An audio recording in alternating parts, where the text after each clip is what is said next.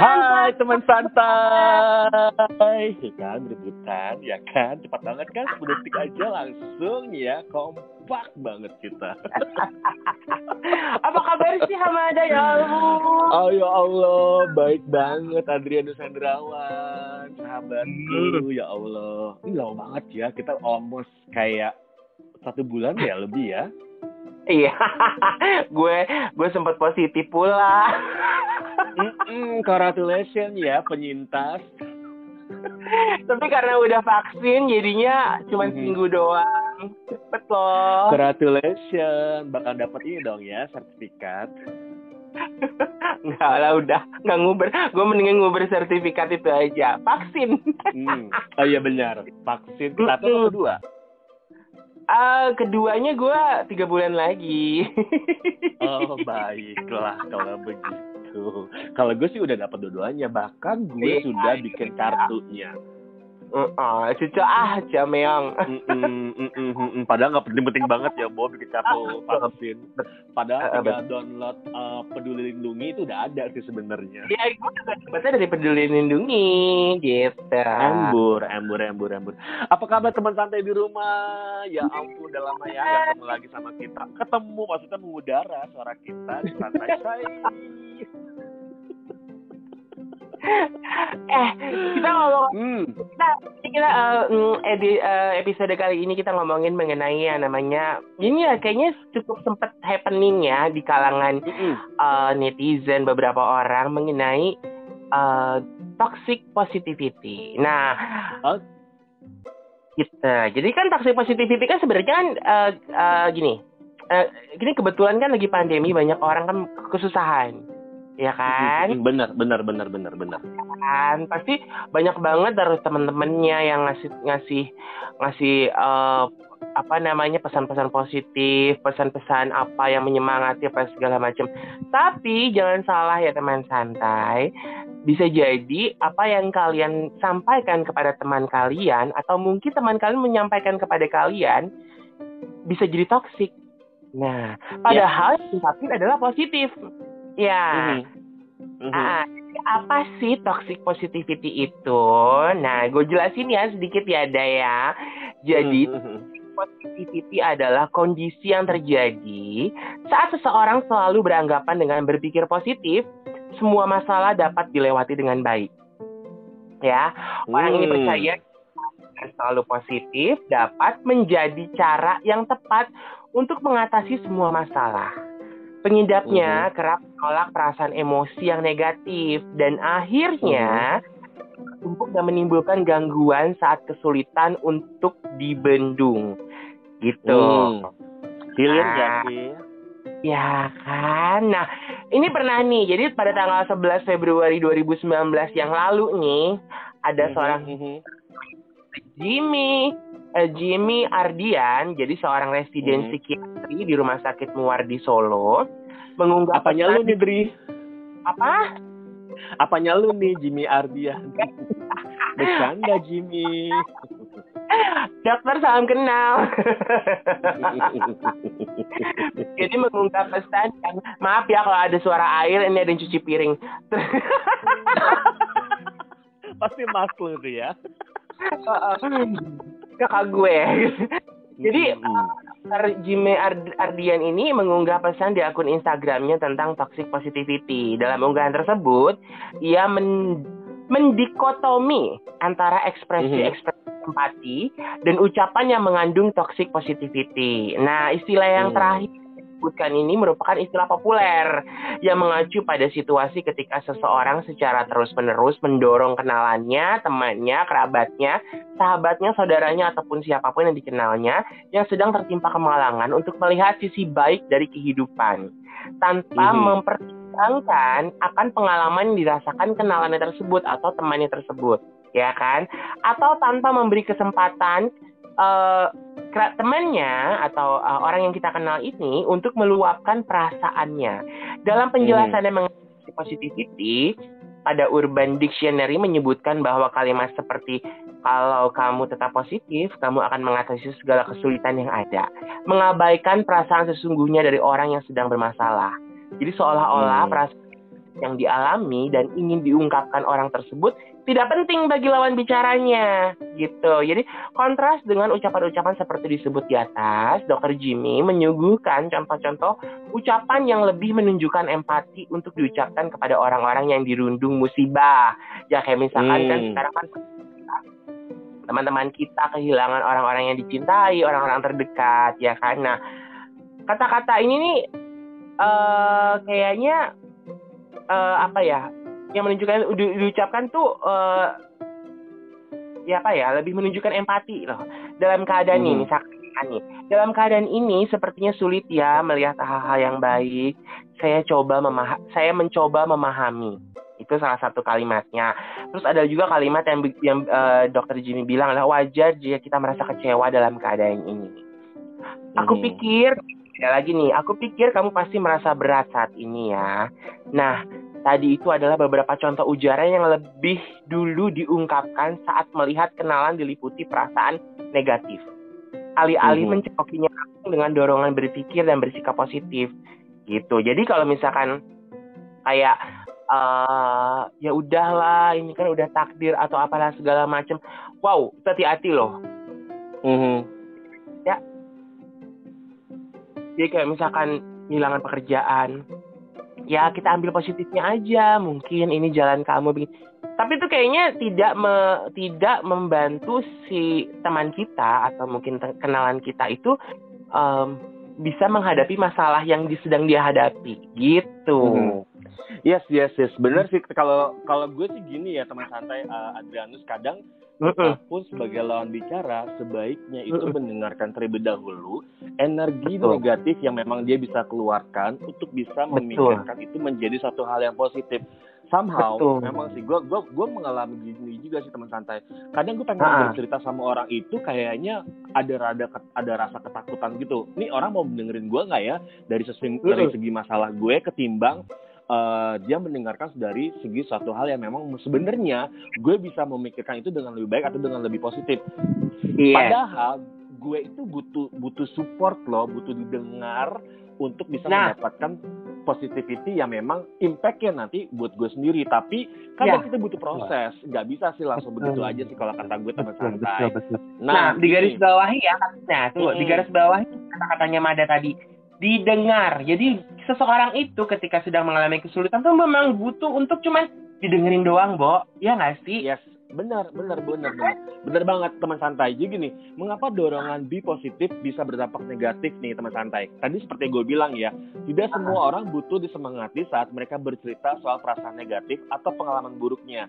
Seringkali yang di sekeliling mereka itu mengatakan hal-hal yang seakan-akan positif, padahal bukan itu yang sedang dibutuhkan orang yang bermasalah. Dalam memaparkan setiap emosi itu punya pesan, baik itu marah, rasa jijik, sedih, bahagia, atau takut kalau emosi-emosi itu disangkal atau dipendam demi terus melihat uh, suatu hal yang positif atau bahagia di depan orang-orang, yang ada emosi negatifnya menumpuk, kemudian bisa memicu stres dan sakit psikis mungkin serta fisik alias psikomatis dan emosi yang tertekan terus bisa jadi penyebab atau pemberat gangguan psikis yang paling sering terjadi gangguan psikis itu ya teman santai ya ini gue kasih tahu nih gangguan kecemasan hingga depresi major bagi uh, penderita atau bagi yang mengalami kesulitan untuk berbagi uh, apa ya yeah. masalah gitu ya Nih, iya, dokter Jamie membagikan hal yang utama ketika seseorang berhadapan dengan kenalannya yang ditimpa kemalangan, bukanlah serta-merta merespon dengan nasihat, apalagi dengan, dengan dorongan untuk segera berpikir positif.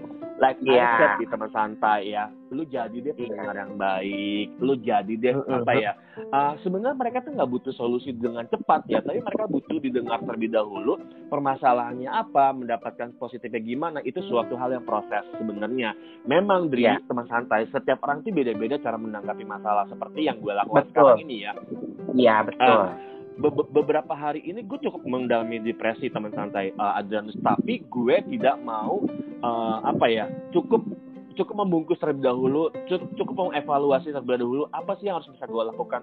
Stres mm -hmm. itu sebenarnya suatu proses yang baik dan itu nature sih teman santai kalau kata gue ya Gitu. Iya. Jadi nggak perlu nggak perlu takut sih untuk stres. Nah, apalagi dorongan untuk segera berpikir positif, mendengarkan orang yang mau berkeluh kesah tanpa sikap menghakimi atau memberinya kesempatan untuk mengekspresikan setiap emosi sampai mereda adalah hal yang penting dilakukan si lawan bicara.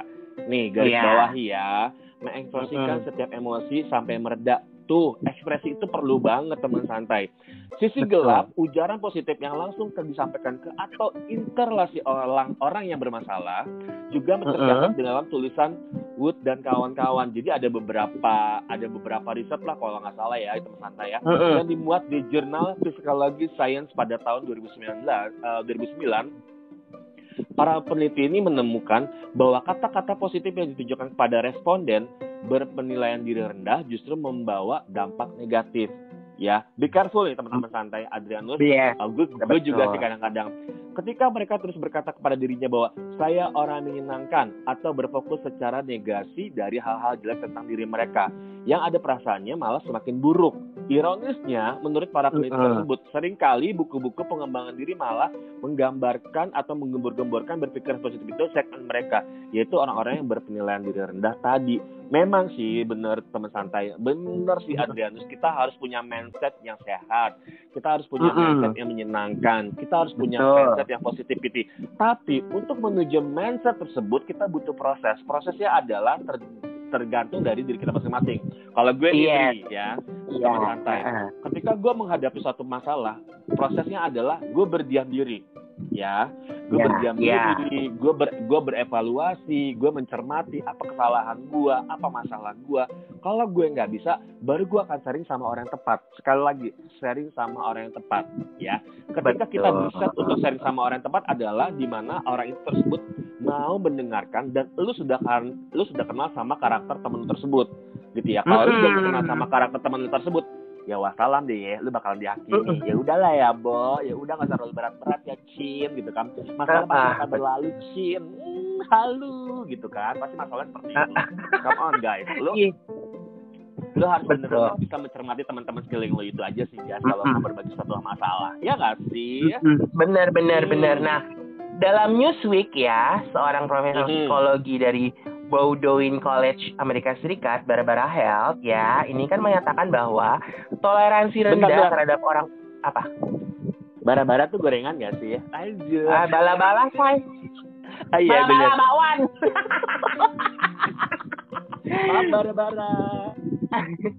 Ini Barbara ya, Barbara Health ya. Jadi menyatakan bahwa toleransi rendah terhadap orang-orang yang susah tersenyum atau tidak bisa melihat sisi baik dari suatu peristiwa buruk ada dalam budaya kita nih gitu. Jadi tidak jarang orang-orang yang berduka diharapkan masyarakat untuk segera pulih dalam keadaan emosionalnya itu gitu kan. Jadi alih-alih membantu, harapan yang ditempelkan kepada iya. mereka yang berkabung ini justru tambah menyusahkan gitu. Jadi tirani sikap mhm. positif punya dua komponen nih teman santai ya. Ingat nih, tirani sikap positif punya dua komponen. Yang pertama adalah kamu merasa buruk saat diliputi rasa duka. Kemudian kamu dibuat merasa seolah cacat kalau kamu tidak bisa bersyukur atas hal-hal yang kamu miliki. Melanjutkan hidup atau fokus pada hal positif. Nah, hal ini juga di, diafirmasi lewat survei Susan David, gitu, seorang psikolog dari Harvard Medical School dan juga penulis buku Emotional Agility. Jadi terhadap 70 ribu respondennya yang disinggungnya dalam sebuah video TED Talk, Ya, sepertiga responden menghakimi perasaan negatifnya sendiri dan berusaha menyingkirkan hal tersebut berkat adanya pandangan bahwa menjadi positif merupakan kebenaran secara moral gitu. Jadi sebenarnya hmm. ketika kita lagi sedih, lagi merasa down, lagi depresi, kita berpikir positif tuh orang tuh bahwa berpikir positif adalah benar gitu. Padahal sih nggak bisa ya. juga dianggap seperti itu gitu kan.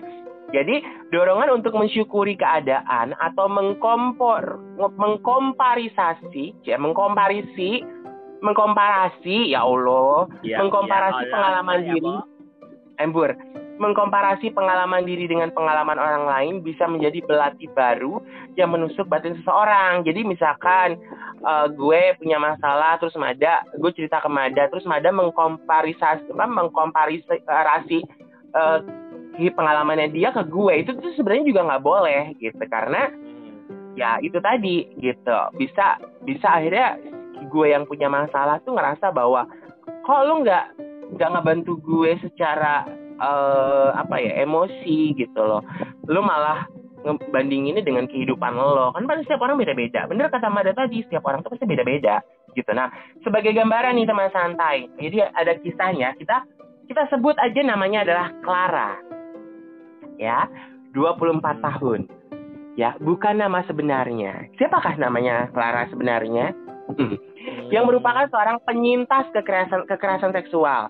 Jadi pada saat remaja dan mengidap eh, jadi dia eh, mendapatkan kekerasan seksual ketika remaja teman santai dan mengidap post traumatic stress disorder atau PTSD ya atau PTSD pernah berkonsultasi dengan beberapa pakar psikologi yang kurang sensitif menanggapi kisahnya gitu. Jadi seorang psikolog menyarankan Clara untuk berdoa dan percaya kalau Tuhan tidak akan memberi ujian melebihi kapasitas umatnya. Saat mengenang hal itu, Clara malah berpikir, ke mana Tuhan waktu dia diperkosa dan dapat pelecehan gitu kan sementara saat pindah berkonsultasi ke seorang psikiater Clara pernah disarankan bersyukur karena bisa melanjutkan hidup sampai sekarang dan tidak sampai hamil setelah diperkosa. Kedua respon ini ya teman santai sempat membuat Clara malas melanjutkan konseling untuk pemulihan mentalnya nih gitu kan. Jadi Clara tuh nganggap gini, mereka tuh nggak benar-benar mendengarkan. Padahal aku merasa ingin dihormati seperti itu tanggapan Clara teman santai gitu. Jadi kenyataannya bagi Clara beban psikisnya tuh menggunung.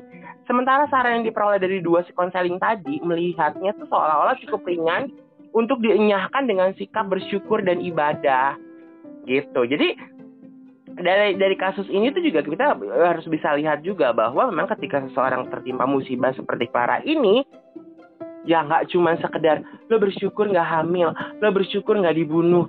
Coba deh lo lebih dekat sama Tuhan. Bener tapi apakah itu akan berimbas baik kepada si Clara? Kan belum tentu gitu teman santai. Nah saat ya. seseorang yang sedang tertekan atau berduka memaksakan diri ya untuk tetap positif atau senang, bahkan mungkin mencoba pura-pura positif, sampai hal itu sungguh-sungguh terjadi, kecenderungan yang terjadi adalah seseorang menyalahkan diri sendiri karena tidak sesuai dengan ekspektasinya, yang bersumber dari mm -hmm. ekspektasi masyarakat, gitu. Jadi penyalahan mm -hmm. diri ini bersisian dengan rasa kecewa akibat harapan yang tak tercapai, teman santai, yang ujungnya menjadi tambahan perasaan negatif dalam diri seseorang gitu. Jadi ketika seseorang itu ya kayak tadi nasib Clara ini, dia cuma pengen meluapkan semua posi apa energi negatif, ya, pikiran ya, negatif ya, cuma ya. pengen dikeluarin doang gitu loh. Mm -mm. Mm -mm. iya dong. Jadi jangan ya, sampai ya. sebelum seseorang itu mengeluarkan apa yang menjadi negatif dalam dirinya dia, jangan lo tumpuk dengan positif, dengan hal-hal yang positif yang dari luar gitu. Takutnya malahan ya. Penderita si orang ini bukannya berpikir positif atau ber, ber uh, apa ya istilahnya berubah menjadi lebih positif lagi kehidupannya malah justru sebaliknya bisa jadi seperti itu. ya Gitu. Ya, ya. Gitu. Iya sih benar benar benar. Kadang kadang mm -hmm. gini ya teman santai. Kalau kita pun uh, berkonsultasi atau berkonseling sama orang yang tepat uh, ke psikiater gitu ya. Memang sih cara untuk menangani pasien itu beda-beda sih. Uh, gua nggak, gua gua tidak gue tidak terpaut dengan uh, kasus si Clara ini sebenarnya. Cuma ya, memang ketika lu seperti yang tadi gue bilang, ketika lu memutuskan untuk sharing sama seseorang yang tepat, uh, sebenarnya itu bisa dilihat dari uh, cara waktu kali uh, lu bisa sharing itu nyaman apa enggak, ya kan? Terus uh, mm-hmm. orang tersebut lawan berbicara interest apa enggak gitu ya, enggak langsung main to the point aja apa yang harus dilakukan the next stepnya ketika lo mendapatkan masalah itu ya. Terus yang ketiga adalah uh, apa ya menurut gue setiap masalah itu memang harus benar-benar ditakar nih teman santai. Gitu ya. Selama itu tidak membuat fisik lu luka berarti menurut gue pribadi ya lu bisa sharing sama orang terdekat terlebih dahulu nih mungkin keluarga lu gitu ya uh, orang tua lu gitu ya atau mm. mungkin lu udah lu punya seorang sahabat yang benar-benar asik nih buat tukar pikiran gitu ya tapi kalau mm. yang memang sudah berbau dengan fisik atau lu uh, mental lu terluka atau ada satu kulit yang terluka ya lu tau lah lu mau mau ngomong ke siapa gitu kan nah karena gini Seseorang yang percaya pada toxic positivity akan terus berusaha menghindari emosi negatif, gitu ya. Iya. Padahal perasaan tersebut dihasilkan oleh otak untuk menandakan bahaya. Jika terus dibiarkan, kamu akan kesulitan untuk menilai masalah yang terjadi dan menganggap jika masalah yang terjadi akan terlewat dengan sendirinya. Selain itu, kamu juga akan menjadi sumber toxic positivity saat selalu memaksakan orang lain melihat sisi baik ketika sesuatu yang buruk terjadi pada teman kita. Padahal nih teman santai, mungkin aja Mm-mm. teman kita itu tersebut hanya ingin meluapkan perasaannya, bukan untuk mendapatkan nasihat yang positif. Dengan begitu, dirinya tidak dapat mengekspresikan emosi yang dipendamnya dan mungkin berdampak buruk juga pada Mm-mm. akhirnya. Karena gini, Mm-mm. Contohnya beberapa kata nih yang yang mengandung positivity ya teman-teman santai. Gue sering Toxic banget ya. tuh mendengar kata, "Ah, ah, jangan menyerah, kamu pasti bisa. Jangan menyerah, jangan menyerah." Itu lagu siapa ya? The Massive. The Massive, bener ya? Iya, benar. Bener. Kakarian, Terus, kakarian The eh, Massive. ba- Embur, sering banget kita juga mendengar kata-kata seperti ini. Coba untuk melihat sisi positifnya. Kamu harus bersyukur. Coba lihat penderitaan orang lain. Kamu harus banyak bersyukur akan hal tersebut. Jangan melihat ke atas terus. Lihatlah di bawah banyak orang yang lebih menderita. Hei, Anda yang ngomong begitu, tolong ya ditakar omongannya, ya kan? Karena gini. ya nggak sih? Ya, Iya benar benar benar. apalagi sekarang yang anak-anak milenial pada ngomong yuk bisa yuk yuk bisa yuk. WTF WTF gue kadang-kadang suka ngomong gitu. WTF WTF WTF. what Apa sih? Oh, what the gitu fuck, anjir.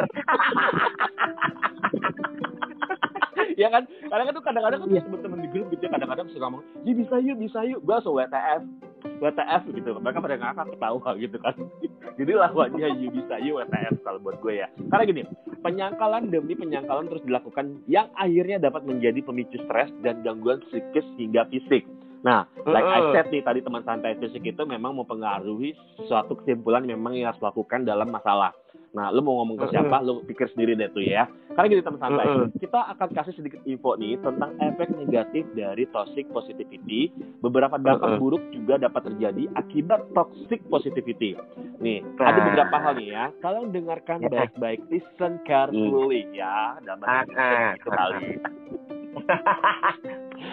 Yang pertama, kebingungan pada emosi sendiri ya. Seseorang yang terus fokus pada toxic positivity pada akhirnya dapat mengalami kebingungan oleh emosi yang timbul di dirinya. Gangguan Ah. tersebut dapat membuat pengidapnya tidak berpikir secara realistis. Jika terus dibiarkan, rasa kebingungan akan sesuatu yang dihadapi dapat timbul sehingga sulit untuk mencari solusi dalam masalah tersebut. Pada akhirnya rasa stres rasa stres semakin bertambah dan menunggu untuk meledak. Hmm, bom atom kali ya meledak langsung dor hilang selesai. Nggak gitu sayang, ya kan? iya, karena akhirnya kan seseorang itu jadi bingung. Eh, bur. Jadi bingung kan? Mm-mm. Ya. Lu tuh gimana? Kadang gimana? Kadang tuh gue juga suka gemes sih, Dri ya. Kadang sama orang yang kalau gue sharing gitu ya, ih lu say iya deh, so iya deh, so iya deh gitu kan. Maksud gue, nggak gitu sih cara dengan orang yang lagi pengen nasihat, pengen mengeluarkan masalah dia, nggak langsung to the Iya. aja. Udah lu sana, ini maaf ya teman santai ya, udah lu sana salat gitu kan, udah sana lu berdoa gitu, udah sana lu ngadu sama Tuhan gitu kan. Emang bener, gue nggak pernah ngakui itu salah, itu bener. Tapi sebagai human being, gue butuh temen, gue butuh interaction, gue butuh didengar, itu beda men, Mm-mm. ya kan? Mm-mm. Kalau gue Betul, mau ngadu sama Tuhan itu urusan gue, Mm-mm. urusan Betul. gue gitu Ur- urusan gue untuk menjalani ritual tapi Iya. sebagai manusia gue butuh butuh butuh physical listening gitu loh Iya, betul. Ih, Iya. pinter ya gue pinter ya gue lanjut Dri yang kedua apose Jadi ya, nah, yang kedua ya teman santai. Jadi sulit menggambarkan perasaan. Jadi orang yang sangat percaya pada toxic positivity akan sulit menggambarkan perasaan negatif pada dirinya. Sehingga dia tidak dapat mengeluarkan rasa marah dan kesal terhadap suatu hal. Gitu. Jadi hal tersebut mengakibatkan orang di sekitar tidak tahu masalah yang dirasakan dan terus beranggapan jika semua baik-baik saja. Jadi jika sudah seperti ini, ada baiknya untuk mendapatkan penanganan dari psikolog. Kalau teman santai pencinta drama Korea, kalian pernah pernah pernah nonton It's Okay Not to Be Okay? Itu kayak perlu ditonton. Hmm. Yes. Karena ini bercerita memang tentang orang yang dia tuh ya emang oke okay, not to be okay. Jadi dia tuh bercerita tentang seorang tokoh ya kalau nggak salah, gue belum nonton sih. Hmm. Jadi tentang Hmm. tokohnya itu tuh dia mengalami satu uh, depresi, stres atau mungkin satu masalah mental health lah kurang lebih Yes. juga begitu. Cuman dia tuh orang beranggapan tuh dia tuh selalu ber- uh, selalu membuat dirinya tuh oke di depan orang-orang karena ya itu tadi ya dia mengalami yang namanya uh, sulit menggambarkan perasaannya dia gitu. Hmm. Karena Hmm. ya itu tadi ada mungkin ada sisi uh, posi- uh, toxic positivity yang dia alami selama ini Hmm. mungkin. Hmm. Nah, Mhm. yang ketiga Mhm. adalah menimbulkan perasaan disalahkan. Jadi saat seseorang mengalami kesulitan, ia perlu pengakuan bahwa emosi yang mereka, me- mereka rasakan itu benar. Gitu kan. Oleh karena itu, ia akan menceritakan masalah sekaligus emosi mereka pada orang yang dipercaya agar merasa lebih lega. Sayangnya Hmm. nih teman santai, eh, yang ada malah mendapat petuah yang kesannya positif, tapi menimbulkan perasaan bahwa apa yang dirasakan adalah sesuatu yang salah. Jadi sebenarnya Hmm. nggak salah untuk kita menuangkan perasaan emosi karena kita sedang dirundung satu masalah. Karena itu untuk Hmm. melepaskan energi negatif itu gitu loh. Iya nggak? Hmm. Yes, yes, Iya kan? yes, yes, Iya yes, kan? yes, yes, yes, yes, yes, Hmm, yes, yes, kalau yes. menurut gua gitu. Mhm, mhm. benar, benar, benar, benar. Lanjut ya. Ah, yang keempat apa dah? Yang keempat nih teman santai, dengerin baik-baik ya. Membuat seseorang menghindari emosi sesungguhnya. Ketika seseorang mendapatkan toxic positivity, ia cenderung akan membungkam emosi yang dirasakannya. Jika emosi Mm-mm. sebenarnya ditutupi dan merasa baik-baik aja, karena berpegang teguh dengan petuah yang kesannya positif, Mm-mm. ini akan membuatnya menghindari situasi yang membuatnya tidak nyaman. Akibatnya, ia juga akan membuatnya tidak berani untuk mengatap, menghadapi situasi yang membuatnya tidak nyaman atau takut. Seperti gelas yang terus diisi air, luber ya kan? Iya. Iya, betul. Ya kan? Luber. Heeh. Luber ya kan? Ngempel membuat deh. Airnya ambur, ngepel yang ada ya kan? Jadi babu, jadi inem, bukan lagi ya kan? Nah, jika emosi yang dirasakan tidak diekspresikan, sewaktu-waktu bisa meledak. Begitu juga dengan masalah akan semakin menumpuk dan memperburuk kondisi mental. Nah, gimana nih teman santai? Tadi kita udah nyebutin nih empat poin bagaimana cara untuk mem, apa ya, mempelajari suatu toxic positivity yang yang sebenarnya Iya. nggak perlu nggak perlu banget lo melakukan itu sama orang yang pengen meluapkan masalahnya, ya kan? Karena Iya, gini, betul. ada cara menghindari toxic positivity. Langkah-langkahnya Ah. adalah satu dua satu, satu dua satu. Ah, Tak, senam tek, ya, Pak. tak, Ah, ah. tok. Kan langkah-langkah bukan sih? Oh, bu- Yang pertama nih, teman santai, dengerin ya. Kelola emosi negatif kita, yakni dengan, ah, yakni jangan menyangkalnya, tapi jangan sampai lepas kendali. Pasalnya, teman santai nih ya, emosi negatif dapat menyebabkan stres jika dikendalikan. Akan tetapi, emosi tersebut juga dapat memberikan informasi penting yang dapat membawa perubahan yang bermanfaat dalam hidup kita. Bener banget nih, Dri. Contohnya nih, contohnya ya, contohnya.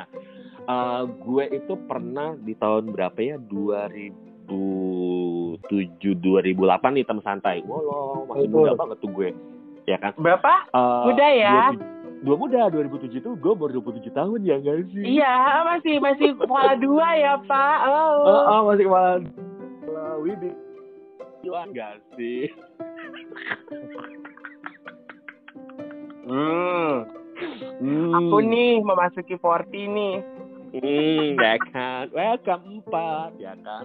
Nih, gue mau sharing aja teman santai. Gue pernah di tahun 2007, kalau nggak salah di tahun 2008, di mana gue eh, seperti menemukan perlawanan sama diri gue, sama pola pikir gue, dan itu eh, kayak eh, mau di suatu tempat tol tertinggi, dan itu Uh-uh. kayak eh, gue kayak bukan diri gue pada saat itu. Karena gue nggak bisa meluapkan rasa emosi gue itu dan akhirnya gue mencari suatu kelemahan dalam eh, tubuh gue ya kan? Kan kalau tadi disebut adalah eh, emosi yang tersebut juga dapat memberikan emosi penting gitu ya. Nah ketika gue mendapatkan masalah itu emosi itu gue kelola dengan cara gue sendiri. Tau nggak gue ngapain Dri? Ngapain? Dri Ah, iya Ah. ngapain? gue jalan kaki Heeh. gue jalan kaki Heeh. dari Cawang ke Heeh. Grogol Heeh. itu Terus eh, stresnya parah banget Eh, karena gue nggak tahu mau ngapain jadi gue jalan kaki dari Cawang ke, ke Grogol itu sampai ke jembatan Tomang yang tinggi itu Dri Heeh. Itu sekitar jam 1 jam 2 malam gitu deh. Heeh. dan itu Terus? capek banget. Dan di situlah gue dalam perjalanan itu kayak gue mengelola emosi gue. Gue teriak-teriak di pinggir jalan segala macam kayak orang gila. Eh, tapi ketika gue sampai di Tomang yang tadinya gue mau jump in gitu ya. Ini jangan dicontoh ya Uh-uh. teman santai gue cerita, gue cuma cerita aja. Eh akhirnya nggak jadi. Oke. kenapa karena gue kecapean gue Uh-uh. letih gue haus eh dan akhirnya gue cuma apa ya cuma tiduran aja di di di, di, di jalan aspal Tomang itu Oh my di god. situ di situ gue kayak Oh. eh gue nangis gue gue sebut nyokap gue gue sebut ayah gue gue sebut keluarga gue gue minta maaf segala macam karena perang batin gue nggak bisa share dengan siapa pun gitu kan karena gue belum bisa menerima eh, diri gue dengan baik pada saat itu ya. Dan akhirnya um, meledak lah gitu ya. dan gue nggak tahu mau ngapa-ngapain. Selama 27 tahun gue menyimpan uh, siapa Hamada Anwar itu. Dan akhirnya karena emosi gue itu meluap dan gue jalan kaki gue capek gue lelah gue haus dan gue uh, terdampar tiduran sebentar di uh, aspal Tomang. Dan akhirnya ya uh, luckily me uh, alhamdulillahnya gue gue tidak melakukan uh, suatu kegiatan yang tidak harus dipantas ditiru itu sih Ah, gitu.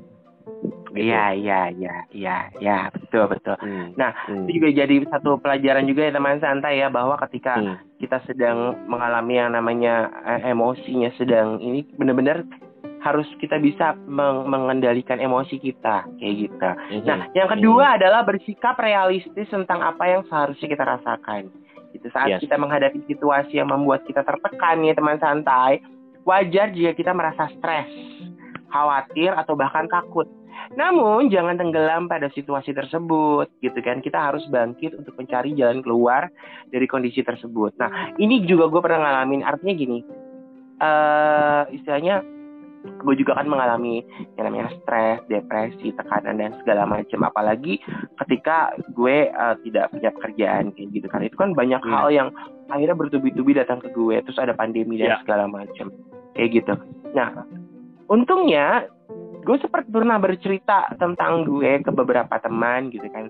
Mereka cuma berpikir gini, eh lu nggak punya pernah kepikiran untuk mengakhiri hidup lo kan? Enggak Hmm. gitu karena gue ngerasa bahwa Ya. emang ini situasi yang kayaknya harus gue hadapin gue harus cari cari, cari jalan keluarnya dan gue harus berusaha gitu itu Ya. itu itu dari diri kita sendiri sih sebenarnya teman santai jadi ketika kita bicara yang bicara dari diri kita sendiri kita mungkin akan lebih bisa mendengarkan gitu ya mungkin ya itu itu tapi tiap Ya. orang berbeda menanggapinnya berbeda gitu Nah, yang ketiga adalah alih-alih menghindari emosi yang sulit, biarkan diri kita merasakannya. Jadi mengekspresikan emosi ini akan jauh lebih baik ketimbang menghindarinya.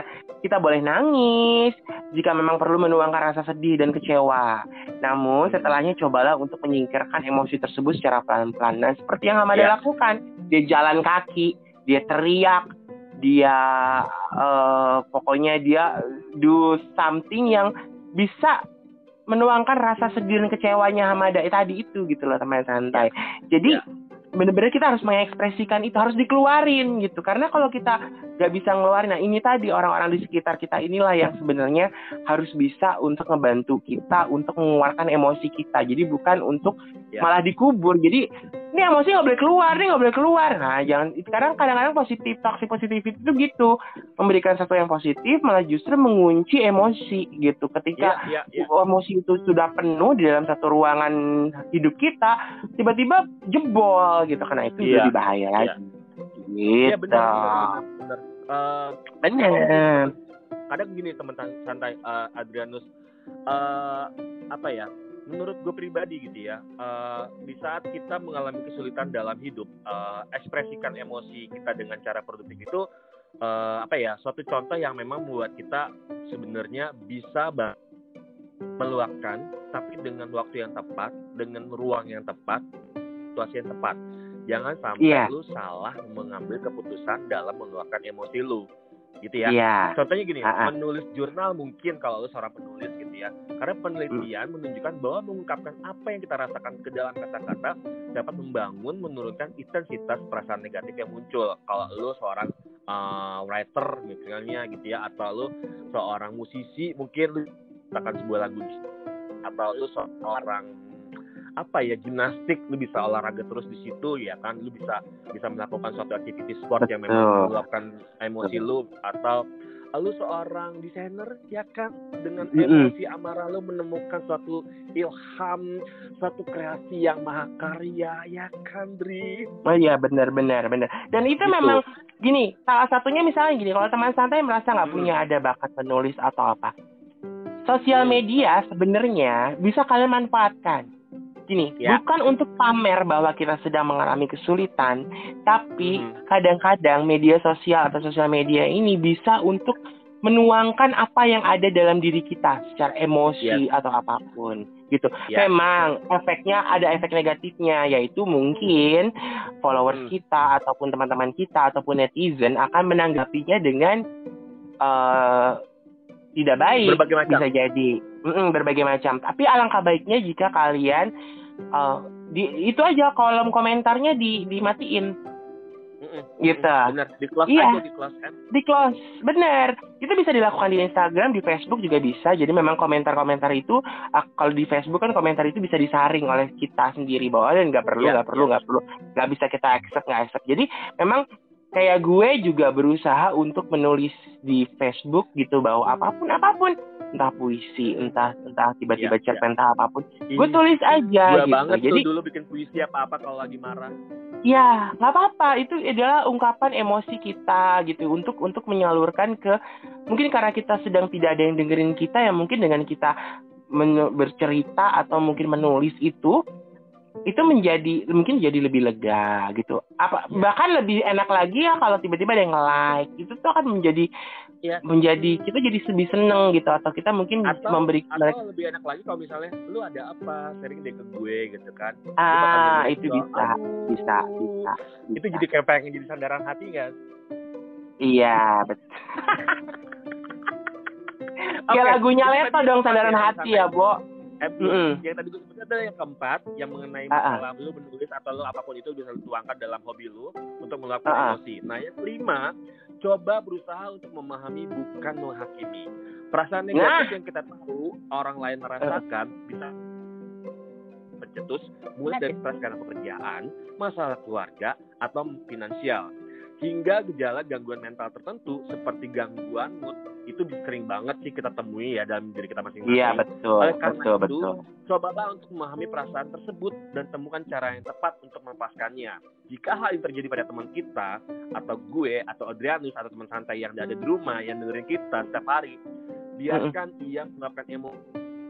Kan, setiap orang itu tentu tidak mau dihakimi, apalagi hanya semata-mata karena ia jujur dengan perasaannya sendiri pada memberi komen terkesan judgmental, cobalah untuk berempati. Ngerti ya berempati? Iya, jadi betul, betul. Jadi teman saya ini juga salah satu kunci nih.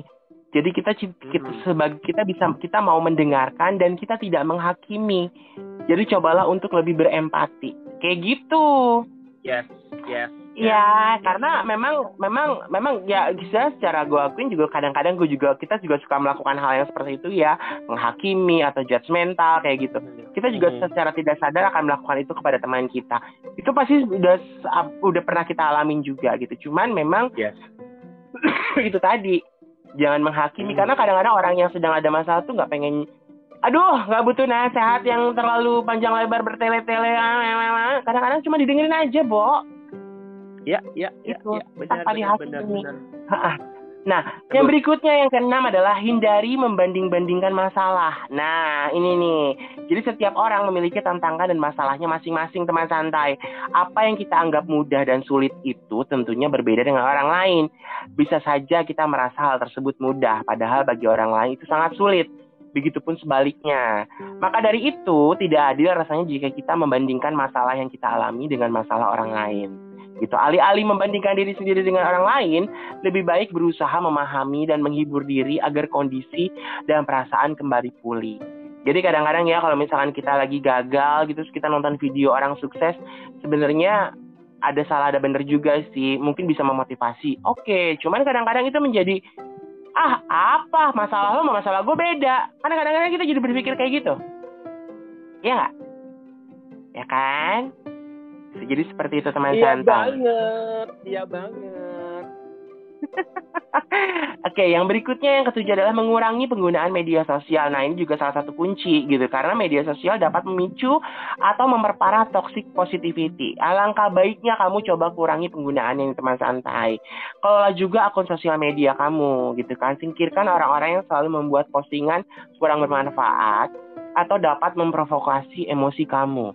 Daripada menghabiskan waktu untuk scrolling media sosial, lebih baik buatlah dirimu produktif dengan cara menyelesaikan pekerjaan-pekerjaan yang tertunda, kek, atau mengasah kemampuan, kek, atau melakukan me time atau aktivitas lain yang membuat kamu merasa bahagia. Itu aja. Jadi kalau misalkan kayak sekarang media sosial kayaknya banyak toksiknya, coba dikelola. Kalau kamu nggak merasa merasa masih butuh ya coba dikelola. Dikelolanya ya dan mengurangi dengan orang-orang itu di, kalian hilangkan dari lingkaran pertemanan di media sosial itu supaya apa? Supaya kalian tidak terpengaruh kalau ketika lagi drop gitu kan nih anjir ya nih orang gitu. Ya, seperti itu, gitu. Menurut gue. Benar, benar, benar. Jadi ingat ya teman santai bahwa tidak apa-apa untuk merasa tidak baik-baik saja tidak perlu menyangkal kesedihan dan berpura-pura selalu bahagia. Kehidupan yang dijalani setiap orang memiliki warna-warninya tersendiri. Ada kalanya kita merasa bahagia dan puas. Ada kalanya juga kita merasa sedih dan kecewa. Jika kamu terjebak dalam toxic positivity hingga merasa kualitas hidupmu sampai terganggu, janganlah ragu untuk berkonsultasi dengan psikolog atau dengan kita berdua atau dengan keluarga, ya kan? Tapi memang itu loh, Dak, psikolog hmm. psikolog atau psikiater tuh kayaknya memang sebenarnya kendalanya orang Indonesia adalah bukan masalah stigma. Kalau menurut gue ya, bukan masalah stigma. Ya. Sebenarnya memang masalah stigma itu menjadi salah satu yang utama ketika seseorang itu datang ke psikiater atau ke psikolog. Ih, lo lagi ada gangguan jiwa ya, lo lagi ada gangguan mental ya gitu. Itu nah. ada salah satunya. Tapi yang paling utama adalah memang biaya, Bo. Mahal. Embur. Embur benar itu mahal banget sekolahnya bayar benar sih iya juga ya, kan? sih cuman memang dan dan dan dan gue agak kaget bo kan gue nanya ya gitu maksudnya hmm. ini ketika kayak ke ke fasilitas kesehatan kayak puskesmas gitu ini ada psikolog nggak hmm. di sini ada oke okay. di cover nggak sama BPJS enggak dong ya enggak dong kan bayar per jam Uh, enggak, masalahnya kan kalau dia praktek sendiri oke, okay. tapi kalau dia dalam satu dia bekerja di fasilitas kesehatan seperti rumah sakit atau puskesmas, harusnya itu kan menjadi satu pelayanan masyarakat kan, kalau menurut gue ya. Dan harusnya pemerintah tuh coba aware nih, BPJS coba hmm. dong tolong untuk lebih uh, maksudnya, nih kalau menurut gue ya teman santai ya, ada ya, ini bukan bukan apa nih, gue cuma ngasih ngasih saran aja bahwa Ketika lagi pandemi gini banyak orang yang merasa bahwa kehidupan ini lagi nggak banget gitu, lagi lagi bener-bener rungsing gitu. Nah, kadang psikolog atau psikiater tuh diperlukan untuk apa ya? Itu tadi untuk bisa uh, mereka tuh meluapkan apa yang menjadi masalah mereka, emosi mereka, energi negatif mereka tuh bener-bener dituangin gitu jadi sebenarnya hmm. energi negatif itu bukan sesuatu yang buruk juga. Jadi emang energi, yeah. energi negatif itu memang harus dikeluarin untuk apa? Untuk supaya kita menjadi lebih positif gitu teman santai. Yeah. Jadi ya yeah. kalau misalkan psikolog atau psikiater bisa di BPJS ya pasti banyak kok yang mau berkonsultasi dan masalah gangguan kesehatan uh, jiwa, mental ataupun depresi, stres tuh banyak bisa diatasi oleh uh, orang-orang uh, gitu. Hmm. Karena imbasnya tuh beda ya. Ya. Uh, ya. Untungnya di Indonesia adalah nggak kasus kasus bunuh dirinya tuh nggak nggak setinggi nggak setinggi di negara-negara maju ya. Cuman memang akhirnya ber, ber, imbasnya adalah tindak kejahatan. Iya iya benar benar benar.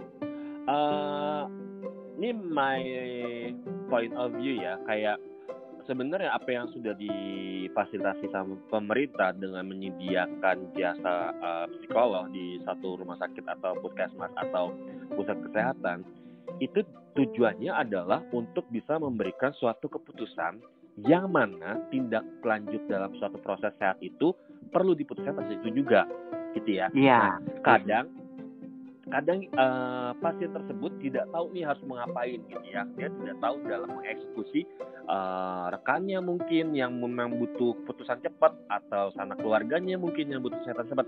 Nah makanya adalah si psikiater itu atau psikolog itu yang memang disediakan. Memang sih. Ini yang gue ketahui ya teman santai Adrianus karena uh, dalam memfasilitasi tersebut itu memang butuh tanggung jawab yang besar. Once dia yeah. sudah mengambil keputusan buat pasiennya dan dia bertanggung jawab itu memang uh, kalau gue bilang sih billing is not number again gitu kan karena mm -hmm. itu suatu keputusan yang tanggung jawabnya sangat besar gitu ya dan ketika Betul. dia memberikan tanggung jawab itu dia harus bisa confirm dengan suatu surat dan dengan suatu uh, apa ya assessment yang memang baik dan sangat baik keputusannya tidak merugikan si pasien tersebut. That's why makanya mm-hmm. mungkin tidak dicantumkan dalam proses BPJS tersebut gitu ya karena memang mm-hmm. secara pandangan gue itu ada loh hal, hal kayak gitu. Memang kadang gini, edukasi dalam pemahaman psikologis suatu pasien atau suatu orang yang bermasalah itu apa ya levelnya berbeda-beda sih Adrianus uh, santai. Ada ada yang memang uh, sifatnya itu mungkin bisa dibilang low. Low itu maksudnya adalah yang masih bisa ditangani dengan baik. Ada mm -hmm. yang sifatnya middle itu yang memang ditanganinya harus benar-benar uh, udah pakai rumusan-rumusan uh, psikologis. Ada yang yang udah sifatnya uh, topnya lah gitu ya masalah itu udah udah yang harus dilakukan misalnya nih ini yang gue tahu ya teman santai. Gue punya saudara dia itu punya uh, apa ya suatu, suatu masalah bu, bukan psikologisnya dia dicela sama orang bukan. Tapi dia psikologisnya pada saat itu diserang karena dia terjadi uh, apa uh, suatu hal yang musibah besar which is adalah dia kebakar tangannya uh -uh. dia adalah perempuan uh -uh. gitu ya nah uh -uh. pada saat itu saudara gue itu kayak nggak tahu mau ngapain dia merasa kayak nggak bisa hidup lagi nggak bisa melanjutkan hidupnya lagi karena dia perempuan ya uh -uh. mungkin laki-laki pun juga merasa kayak aduh gue nggak ganteng lagi cacat mental banget nih gue gitu kan misalnya nah psikologis psikologis itu yang memang pada saat itu gue lihat adalah itu sangat-sangat diperlukan banget dari sisi keluarganya, yeah. dari lingkungannya dia, dari dokternya, dari psikiaternya. Itu gue lihat itu nggak susah, eh nggak susah, gak gampang, Dri. Iya. Karena dia yeah. harus bisa menerima dan dia harus bisa menerima, menerima, menerima, menerima kekurangannya yang ada dalam dirinya yaitu kulitnya cacat seumur hidup. Iya. Iya. Kalau dia mau melakukan operasi dia butuh waktu dan dia harus bisa menerima keadaan tersebut dia itu sangat susah dan gue pun aduh gue mau nangis lagi kayaknya. Kalau kalau denger apa ingat kejadian itu. Karena gue karena gue di posisinya uh, di sampingnya dia pada saat itu. Gue tahu banget uh, rasa perjuangannya dia sampai sekarang. Dia mm, menutupinya dengan baik ya. Teman santai dia menutupinya dengan uh, apa ya uh, menerima lapang dada banget gitu. Dan itu besar banget. Dan gue big applause banget sama dia. Sampai sekarang dia masih bisa menerima dan menjalani hidupnya dengan baik karena itu suatu proses dalam membuat keputusan uh, kejiwaan itu tidak gampang sih teman santai. Jadi memang iya. ada prosesnya sih gitu. Iya.